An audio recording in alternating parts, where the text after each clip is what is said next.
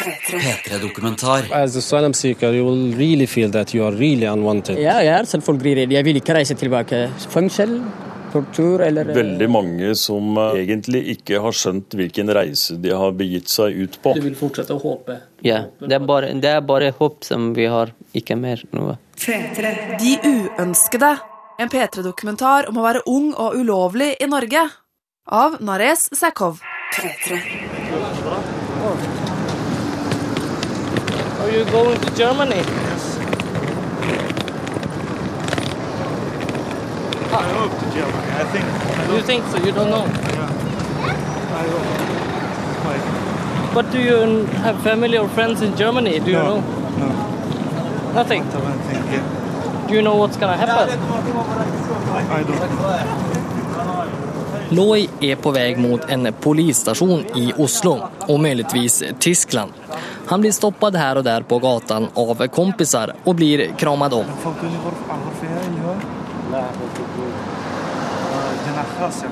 Vi träffades bara för några sekunder sedan, men i det vi står och väntar i ett ljuskris så får jag bakgrundshistorien ifrån Mohammed, en av vännerna som blir med till stationen. För Loy, han är 26 år, palestinsk flykting och han har väntat två år i Norge nu på att få grönt. Men för ett par dagar sedan så fick han ett brev ifrån polisen med en frist för att resa frivilligt. Ut. Något han nu alltså gör. Frågan är bara om han hamnar i Tyskland, det landet som han först sökte om asyl i Europa. Dublinavtalen förklarar Mohammed. He's waiting for two years so far, and nothing changed in his case. And Germany is asking for him to go, to go back to Germany. So you're going to the police station now? Yeah, we are going to the police station because this is the only way. I mean, we um, we have to face the reality in this that there's no chance for him to get protection in Norway because of Dublin Agreement, and it's also um, sad. But are you worried, afraid? It's very hard. It's very difficult uh, this time. Yeah, I, uh, I want to go to the police, but I don't know what he can do. The police he send me to Germany or Germany send me to Palestine, and I don't know. You don't know. I don't know. Vi är framme.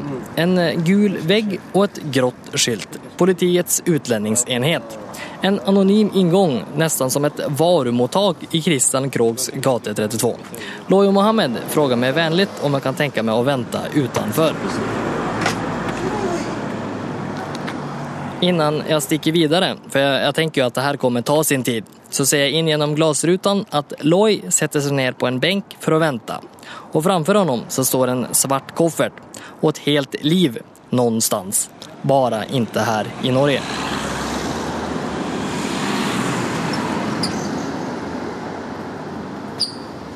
Der oppe ser du disse rommene som er Ja, det är ditt rum. Det här är en historia om att vara främmad. Att komma till ett nytt land med förhoppningar om ett nytt liv. Om de unga asylsökarna som fått avslag men som ändå är kvar. Ulovlig och utan rättigheter. Varför vill ingen returnera? Och vad är det för ett liv att inte kunna jobba, inte gå på skola, men bara ligga i en säng och vänta på att bli väckt en morgon av polisen? Det här är en historia om att inte bli trodd, om att vara oönskad.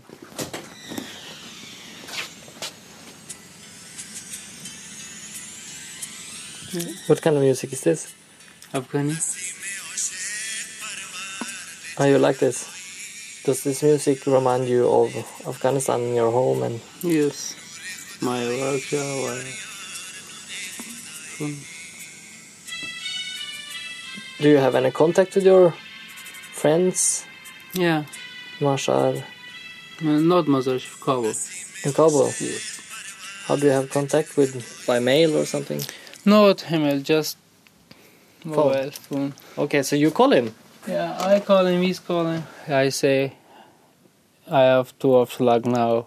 What can I do? Where I go? He say, go to another country. Why you still here? Because your life is danger in Afghanistan. Why you still to Norway? Now you can go to another country.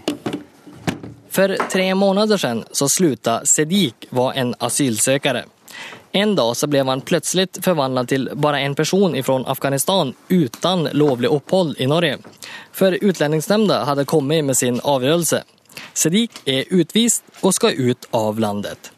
Men här står han alltså, i sitt hybelliknande och mörka rum på Ringsaker statliga mottag i Moelv med rödsprängda ögon och bjuder ljus och småkakor till en journalist som opassande nog verkar vara mest upptagen av kvaliteten på soffan. It's quite o- it's quite soft sofa. The sofa is okay. You want? No, it's okay. Do do you want? If you want, I. We can just take a little bit. 26 år gamla Sedik tänker ju naturligtvis på helt andra saker. Han är nervös, rädd och har nästan inte sovit någonting i natt. Så som det har varit sedan han fick brevet om ändelig avslag för tre månader sedan. Uh, seven o'clock. Just I'm sleep like one hour. Seven o'clock this, morning. Yes. One hour. Oh yeah, one hour. So you just been sleeping a little bit. Yeah, little bit. I'm just all night walking outside, go to the road, come back, go to TV room. After my room, sitting, thinking. yeah, You can't sleep. yeah, I can sleep I afraid because uh, I'm thinking maybe police today coming, maybe tomorrow, maybe tonight. When it's coming, take me also deport. So you're afraid that they will come and get you. Yeah, What do you fear in Afghanistan? In Afghanistan, uh, because I have problem with my family, my uncles, also polity, polity. So some people, because I am also working in the ISAF car in Mazar Sharif. Det var på grund av hans bilverkstad att Sedik nu sitter här. För Sedik har ju alltid skruvat bilar under sin uppväxt i Mazar-e Sharif, nord i Afghanistan. Boende hos sin bästemor eftersom mamma dog i barnfödsel och pappa blev mördad när han var 11. Men Sedik han klarade sig och han blev så pass duktig på att reparera dieselmotorer på sin verkstad att till och med ISAF-styrkorna kom inom, berättar han. Men inte alla i byn gillar ju att Sedik hjälpte de här utländska soldaterna. Eller ockupanterna, fienden som de sa. He say, "Why you working in the ISAF and you're not Muslim?" I say, "I just want to help. Why? This why problem? Why I work in mechanic?" He say, "You're not Muslim." Folk slutade att hälsa till Sedik på gatan och efter ett tag så blev Sedik anmäld till polisen. Anklagad för att inte vara muslim alltså. Av hans egen onkel, som själv var polis. Sedik säger att han blev kidnappad av dem, slängd i fängelse, slådd och sparkad. Also, politi from Mazar Sharif, from Mazar Sharif, yeah, I say, "You just go from, move from Mazar." The police told Yeah, I say, "Why? This is my city." I don't want to move. You just say, move from Mazar Sharif. If you don't move, I can't help you. Maybe your uncle kill you like this. Just you go. If you don't go, yeah.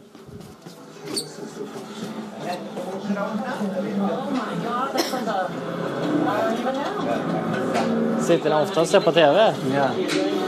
Vad, vad ser ni på? Mm, Filmer och fotboll. Filmer och fotboll? Ja. Mest fotboll. Men så, det är Champions League ikväll. Ja, det är en uka som jag väntar på den kampen. Så vi måste... Det är höjdpunkten när du är här. Att få se på fotboll på Champions League i alla fall. Ja, ja. Och det är väldigt viktig kamp för uh, båda två lagen. Hoppas att Barcelona vinner. Fotboll är själva livet för Janaga, bokstavligen talat. För ända sedan han kom hit till Moelv ifrån Ghazni i Afghanistan för två år sedan så har han hållit på med fotboll. Han har spelat på mottagets eget femte divisionslag, gått på kurser, dömt matcher och varit tränare för åldersbestämda lag. Han har fått både goda vänner och goda skussmål ifrån det lokala fotbollsmiljöet. Definitionen på lyckad integrering, eller vad då? Janaga har ju till och med blivit en del av en familj här i Moelv. Men till ingen nytta. Jag följer mig när jag är med dem så jag följer mig med, med sin familj. Ja. Så det är kanske det är extra trist att tänka på att du må förlata dem viss politik kommer. ja, det är, det är en grunden också For eksempel, jeg tenker alltid kanskje jeg kan finne min familie eller ikke den familien som jeg mistet i Afghanistan. Men jag vill inte miste den andra familjen som jag, har, jag fick här och bli känd med dem. Ja. Det var vanskligt. Allt är vanskligt men jag kan inte dessvärre göra något. Mm, asylpolitiker är sån. Jan, som han blir kallad, har också fått ändelig avslag. Så vart han är nästa vecka eller nästa månad är väl lika svårt att svara på som hans ålder egentligen. För så som många andra asylsökare som kommer hit så har han varken pass eller födselsattest. Bara ett personbevis han fixade för några år sedan i Afghanistan som då säger att han nu är runt 19 år. Själv så känner Janaga sig runt 2021 kanske. Och två olika ålderstester han har tagit i Norge, röntgen av handen och en tandundersökelse, visar däremot att han är 28 eller 22. Jan vet alltså inte när han har födelsedag ens. Jeg er veldig aktiv på fotball. På fotballdommerkurs. Og... Men du älskar ju fotboll. Ja, jeg elsker fotball. Hade Jan fått bestämt så hade han nog varit ute och sprungit i vårsolen längs med vita linjer på en grön gräsmatta och blåst sin flöjt just nu i det här ögonblicket. Istället för att sitta i ett eh, tomt möterum på en trästol och lägga ut hela sin livshistoria till en han inte känner. Det är ju nämligen manko på domare för tiden. Men han kan ju inte ta några uppdrag. För vem vet om han egentligen kan möta upp på den nästa matchen. Jag kan inte eh, mig på grund av det att jag vet inte när skulle sända mig och bli lite eh, dålig för det. de. De väntar för mig att vi har en domare och kommer. Så jag är i Afghanistan. Det blir lite dårlig. Jag kan inte mälda mig eller jag kan inte göra något. i framtiden. Och jag vet inte når det blir skjedd samme som jeg skjedde med min venn som sendte til, til Afghanistan. Bara för ett par veckor sedan så blev en annan afghansk kille deporterad härifrån Motake. En vän av både Sedik och Janaga. Det var rundt klokka ni om morgenen som kom tre politi og hentet han og sendte tilbake. Jeg er redd egentlig, så Men jeg skal være her på mottaket og håper at det skjer noe godt med oss. Ikke sende oss tilbake. Du vill fortsätta att hoppa? Ja, det er bare, det er bare håp som vi har, ikke mer noe. Men sanningen är väl det att de flesta av de 120 asylsökarna som idag vandrar i korridorerna här på det nerslitta gamla hotellet i Moelv, de hoppas nog förgäves, berättar Harald Jonsson inne på sitt lilla kontor bredvid tv-rummet. Du kan säga det eh, så att eh, så är det väl faktiskt upp igen eh, av de som har fått ett eller annat negativt vedtak, så har den passerat 70 procent ved detta mottaget och det är inte unikt för detta mottaget. Det är väl de fleste andre mottak som vi også snakker med. Så det är de absolut flesta Ja. som får ett nej? Mm. Harald jobbar för Norsk Folkehjälp som driver mottaket och han är informationsansvarig. Så dagligen så snackar han med beboerna om deras relativt dystra framtid. För processen, den är lång. Jeg pleier å si det at når du først har kommet til Norge, så er prosessen slik at eh, du venter gjerne opptil nærmere et år før du får det første vedtaket. Og Da kan du få to muligheter. Det er Enten er at du får et negativt vedtak fra UDI, eller at du kan være så heldig at du får et positivt vedtak og skal bosettes. Er du så heldig og skal bosettes, må du vente ytterligere seks til åtte måneder om dagen, fordi det finnes ikke boliger i kommunene. Eh, når da man har fått et negativt vedtak, så er det slik at du blir tildelt en advokat fra UDI. Og så innenfor en kort frist av tre til fire uker, alt ettersom når advokatene får dokumentene, så har du muligheten til å klage på det vedtaket. Men da er det såkalt omvendt bevisbyrde. Da er det du som skal bevise at UDI har tatt feil ved å gi deg et negativt vedtak. Så går det en tre til fire måneder før de får et brev om at saken er som regel sendt over til det vi kaller UNE, eller Utlendingsnemnda. Og slik det er i dag, så tar det nesten et år i de fleste sakene. Så jeg pleier å si til de når de kommer hit fra første dagen, for vi må realitetsorientere de med tanke på at muligheten for at de må returnere fra Norge, er rimelig stor. Så det er to ting som er sikkert. De er født et sted, de kommer til en dø en gang i framtiden på denne livslinja, så er det iallfall to år hvor de kan belage seg til å være i dette mottaket. Og det slår nesten aldri feil. Stress. Han ikke sovet to, to måneder kanskje. Hver natt. Han er sånn zombie. Man kan ha flyktat i rädsla för sitt eget liv, såsom Sedik, eller man kan ha blivit sänt bort som barn av sin egen mamma, såsom Janaga, och varit igenom en flera månader lång och farlig resa i en liten båt på havet utan mat, kört utför ett fjällstup i en överfylld minibuss, sett medflyktingar dö och blivit både lurad och missbrukt av smugglare och bakmän, men ändå inte ha krav på asyl. För exakt hur många vet ingen, men Statistisk centralbyrå anslår att runt 18 000 människor befinner sig i Norge utan lovlig uppehåll. 12 000 av dem är asylsökare som fått endelig avslag.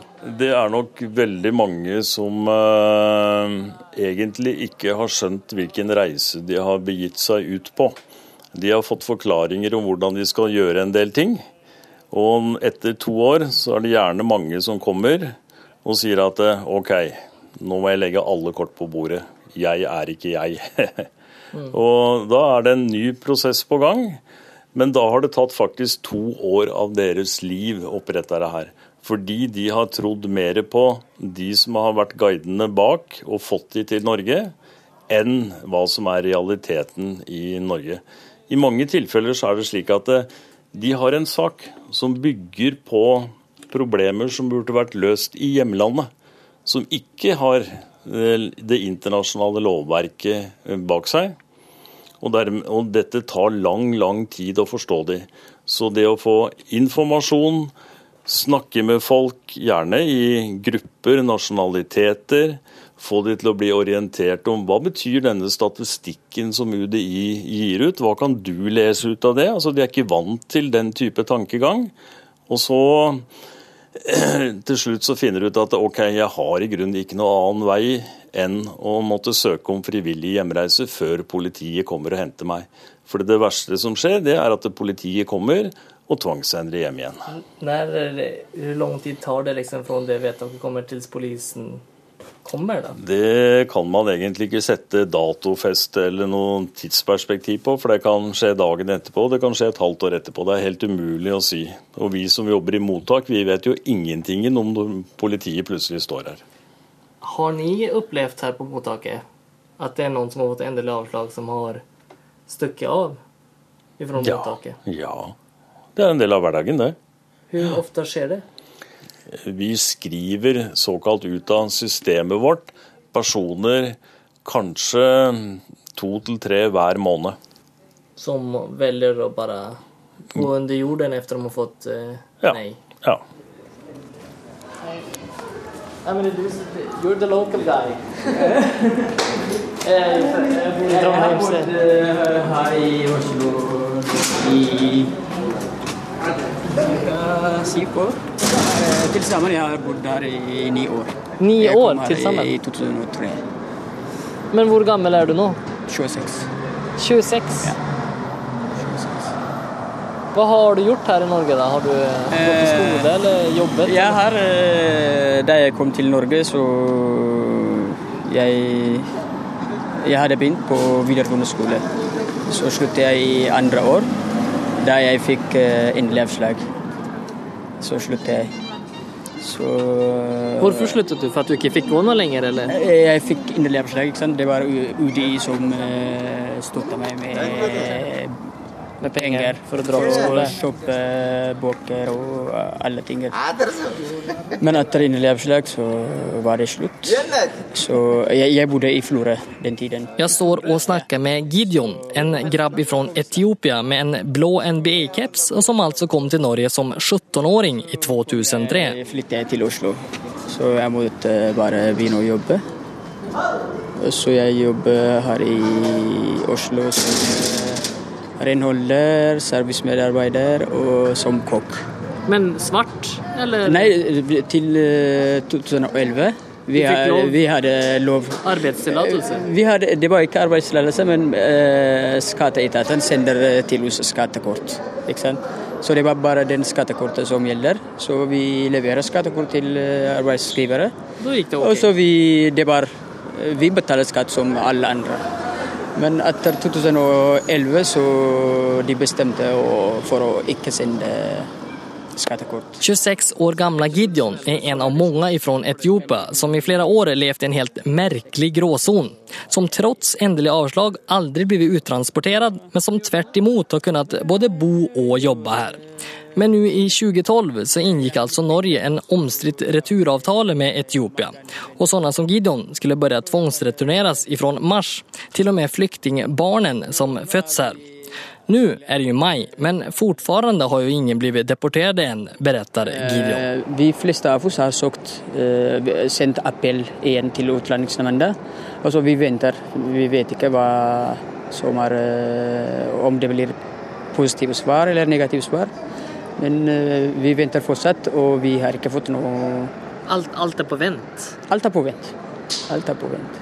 Det enda som hänt egentligen är väl att nästan alla har stuckit av ifrån mottaken. För ingen vill ju tillbaka till Etiopien.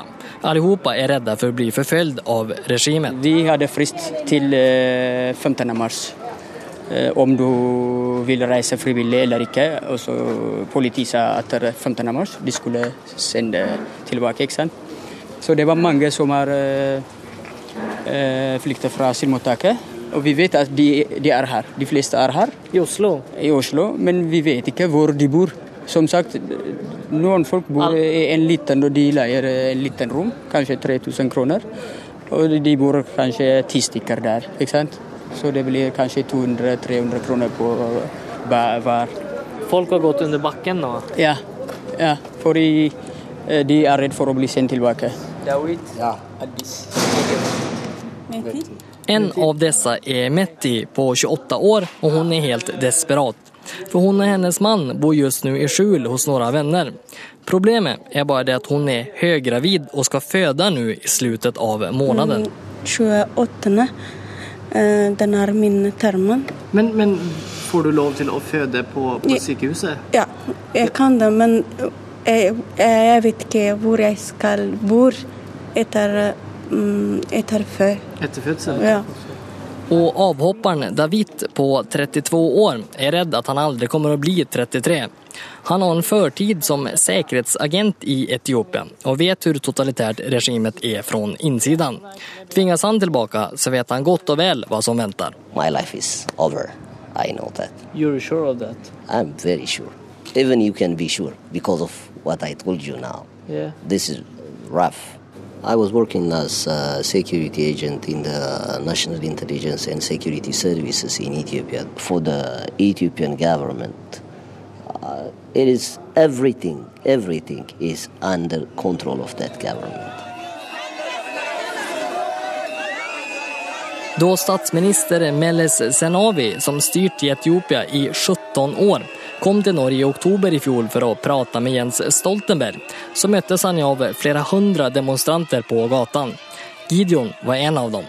För det är inte någon hemlighet att brysamma människor såsom oppositionspolitiker och journalister blir fängslade där. Den etiopiska föreningen i Norge, som Gideon är en del av, arrangerar ständigt demokratimöten och markeringar emot Senavi och regimen, som enligt många bara är ett rent diktatur. Ja, jag är självklart Jag vill inte resa tillbaka, för jag, eh, och eh, jag har eh, varit med många politiska aktiviteter här i Norge. Och jag vet att det blir eh, Jag vet att jag är ikke välkommen eh, där. Men eh, viss eh, norska myndigheter tror att det är inte något farligt för oss, Och det är upp till dem. Vi har inte någon makt för att inte resa tillbaka. Visst, de jag reser inte frivilligt.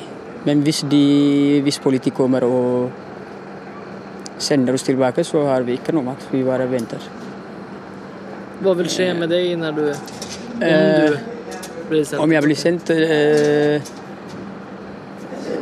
det, er, det er en ting som jeg er helt sikker på. Vi, særlig vi som er veldig politisk aktive her i Norge, fengsel, tortur eller eh, kanskje eh, vi blir Kanskje ingen vet hvor eh, hva som skjer med oss. Altså, de veldig flinke til å lage mat. Ja, Sannelig Sadiq. Ja, han är han det? I asked you if you were, were a good chef. You said no. Tillbaka i Sediks rum på mottaket. Vi är bjudna på middag i afghansk stor stil och Sedik sätter en form med currygul kyckling och ris upp på bordet. Och stämningen den är lite lättare nu. Förutom Janaga och mig så är också Claudia här. Hon är en lokal tjej som hänger mycket i gångarna här för att hjälpa asylsökarna översätta brev och losa folk genom den norska byråkratin. Och bara prata ibland. Och det syns att Claudia blivit väldigt glad i både Sedik och Janaga. Remember Sadiq when you made dinner for everyone? It's very, very good. Hmm, chef and a good uh, mechanic. And he sings. And he and sings. dances. Well, I don't understand why don't you have a girlfriend? It's like... He's, Det- he's picky. Ah. Han är kräsen. För det ger ju ingen mening. Han ser jättebra ut och kan allt det här. Hade jag varit tjej liksom så hade jag Han bara... må finne den riktige, vet du. Claudia berättar att hon har funnit ut någonting som möjligtvis kan ändra på Sediks avslag. För efter att ha pratat en del med Sedik i förbindelse med en bok som hon skriver så visade det sig att en av ISAF-soldaterna som besökte bilverkstan i Mazar-e-Sharif faktiskt var norsk. Han hade iranska rötter och jobbade som tolk för de norska styrkorna.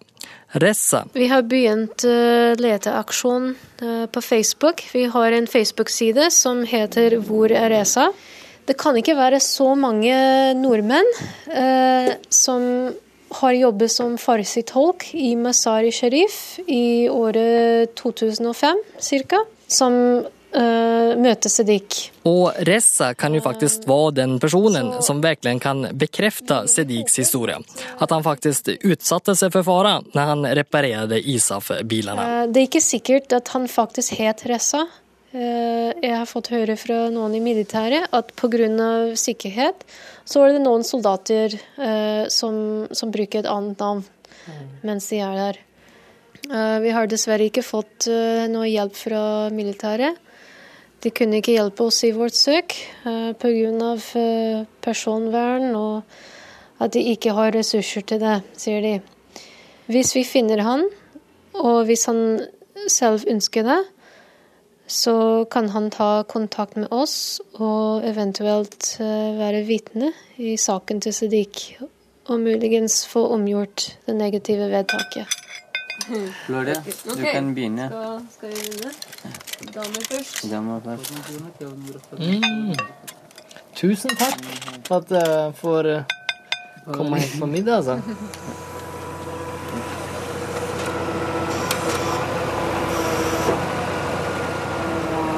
Men vad är planen då? Vad är det som kommer att bli här nu? Som cirka? Det blir en eh, til brakke der bort. Kommer å gå den veien. Ja. Blir det en fin balkong her oppe. Og så skal vi kanskje lage en port, og så kanskje har vi til å lage en slags monument over hva leiren står for. Og Vi står på en grusplan vid Jakobkyrkan i Oslo och ser på en lastbil som lyfter av en stor trävit bracke medan ett 20-tal människor slipar, slår, sågar och bär plankor och verktyg fram och tillbaka. Solen den skiner och jag tar en prat med Lars här i det han tar en kort paus. Lars bor i närheten och stack bara inom egentligen.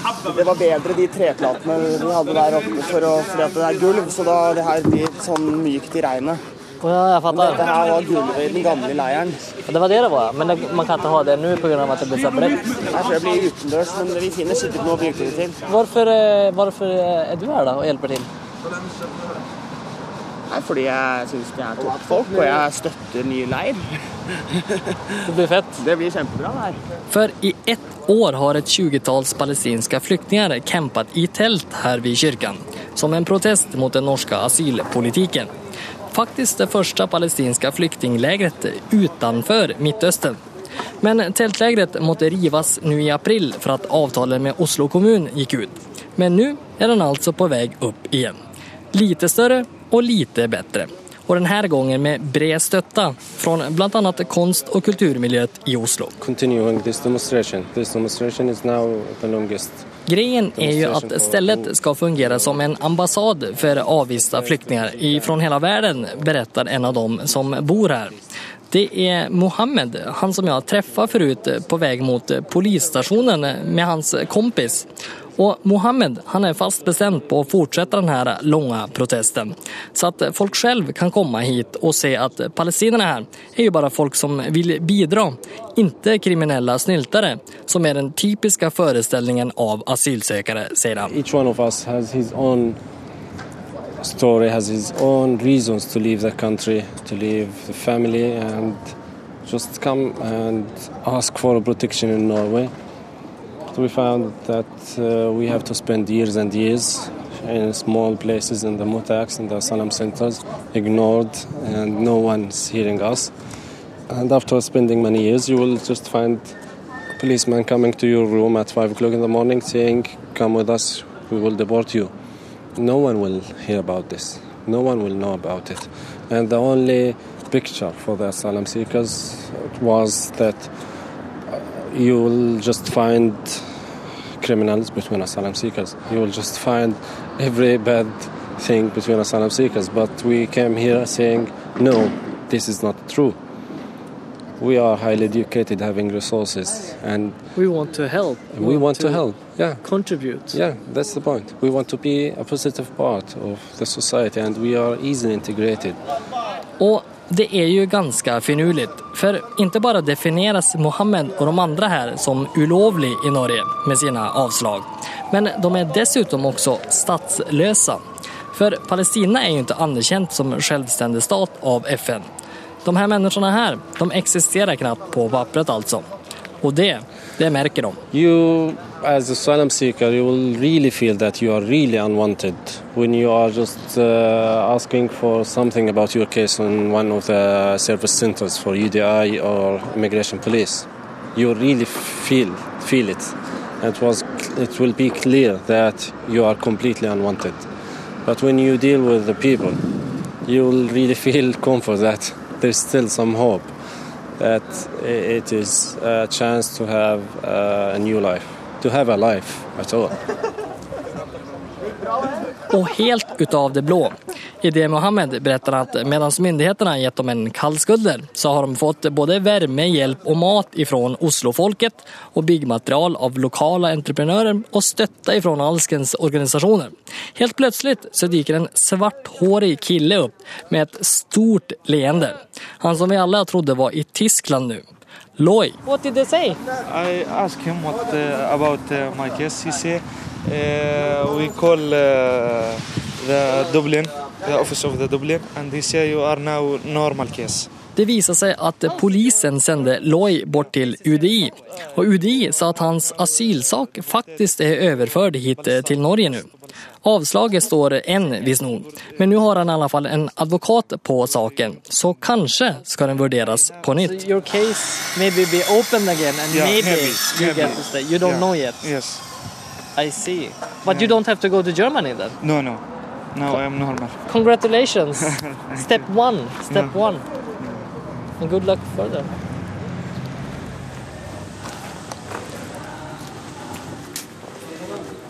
Halla, halla, det är bra! Konsultat en telefon och det är jag, positiv. Ja, jag ska ta och ringa dem. Det har nu gått tre veckor sedan jag gick ut dörren ifrån den bruna byggningen i Moelv och sa hej då, vi ses till Sedik och Janaga och de andra på asylmottaget. Men sökandet efter Ressa, den norska tolken i Afghanistan, har inte gett nå resultat. Istället så får jag höra att Sedik har tagit bussen till Sverige för att söka asyl där. Väl vetande om Dublinavtalen och att han kanske blir sänd tillbaka till Norge och därefter rätt ut. Faktiskt så är Janaga den enda av afghanerna som är kvar på mottaken nu. Möjligtvis på grund av fotbollen, berättar Claudia. Och Claudia, hon kommer väl bara att fortsätta vandra i gångarna på mottaket. Ta nya telefoner, översätta nya brev och bli glad i nya asylsökare som kommer. För som invandrare själv med mexikanska rötter så vet Claudia att det lika gärna kunde ha varit henne. Som behövt hjälp. Som varit oönskad. Livet är ett lotteri. Och jag, jag har vunnit det lotteriet. Alltså, jag har, jag har statsborgerskap i Kanada. Och jag har eh, permanent bosättningstillåtelse i Norge. Alltså, jag, får, jag får lov till att bo i två av världens bästa land. Och de som jag känner här, um, ehm, de, de, kan inte resa hem. Och de är oönskade här. Det kunde ha blivit jag som blev född um, ehm, i Afghanistan eller Irak eller Somalia. Jag, jag har bestämt mig att uh, eh, de som jag känner, så länge de är här, så länge jag har kontakt med dem, så ska jag stötta dem så mycket jag kan. Jag ska göra så gott jag kan för att de ska ha ett gott liv medan de är här. Och själv om de då hamnar i Kabul eller ett annat sted, att när de tänker tillbaka till den tiden i Norge, att de kan i alla fall huska att det var i alla fall en person som brydde sig om dem. P3 Dokumentar, söndag klockan 9 på P3 och när du vill på p3.no. P3.